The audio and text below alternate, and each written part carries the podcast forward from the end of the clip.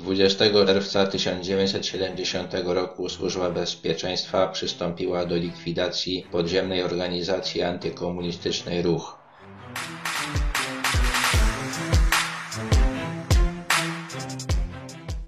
Organizacja ta stawiała sobie za cel wywołanie masowych wystąpień społecznych, które doprowadzą do likwidacji PRL i umożliwią utworzenie niepodległego państwa polskiego.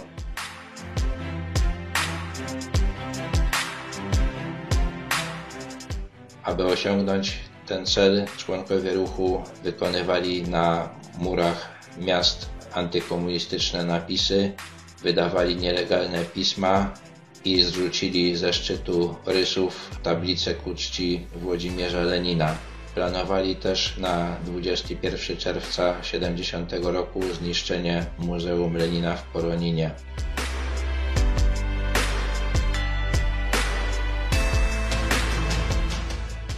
Likwidację ruchu umożliwiły informacje uzyskane od Sławomira Daszuty, członka duszpasterstwa akademickiego w Gdańsku. W całej Polsce zatrzymano około 100 członków ruchu i poddano ich śledztwu. Składania zeznań odmówili Andrzej Czuma, Hubert Czuma, Łukasz Czuma i Jan Kapuściński.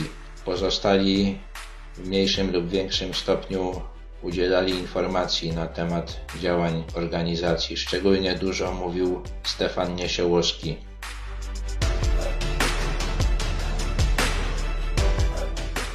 Ostatecznie zdecydowano postawić przed sądem 32 członków ruchu. Najwyższe wyroki otrzymali Andrzej Czuma 7 lat, Stefan Niesiołowski 7 lat, Benedykt Czuma 6 lat, Marian Gołębieski 4,5 roku, Bolesław Stolarz 4,5 roku, Emil Morgiewicz 4 lata. Ostatecznie do 1974 roku wszyscy skazani zostali wypuszczeni na mocy amnestii.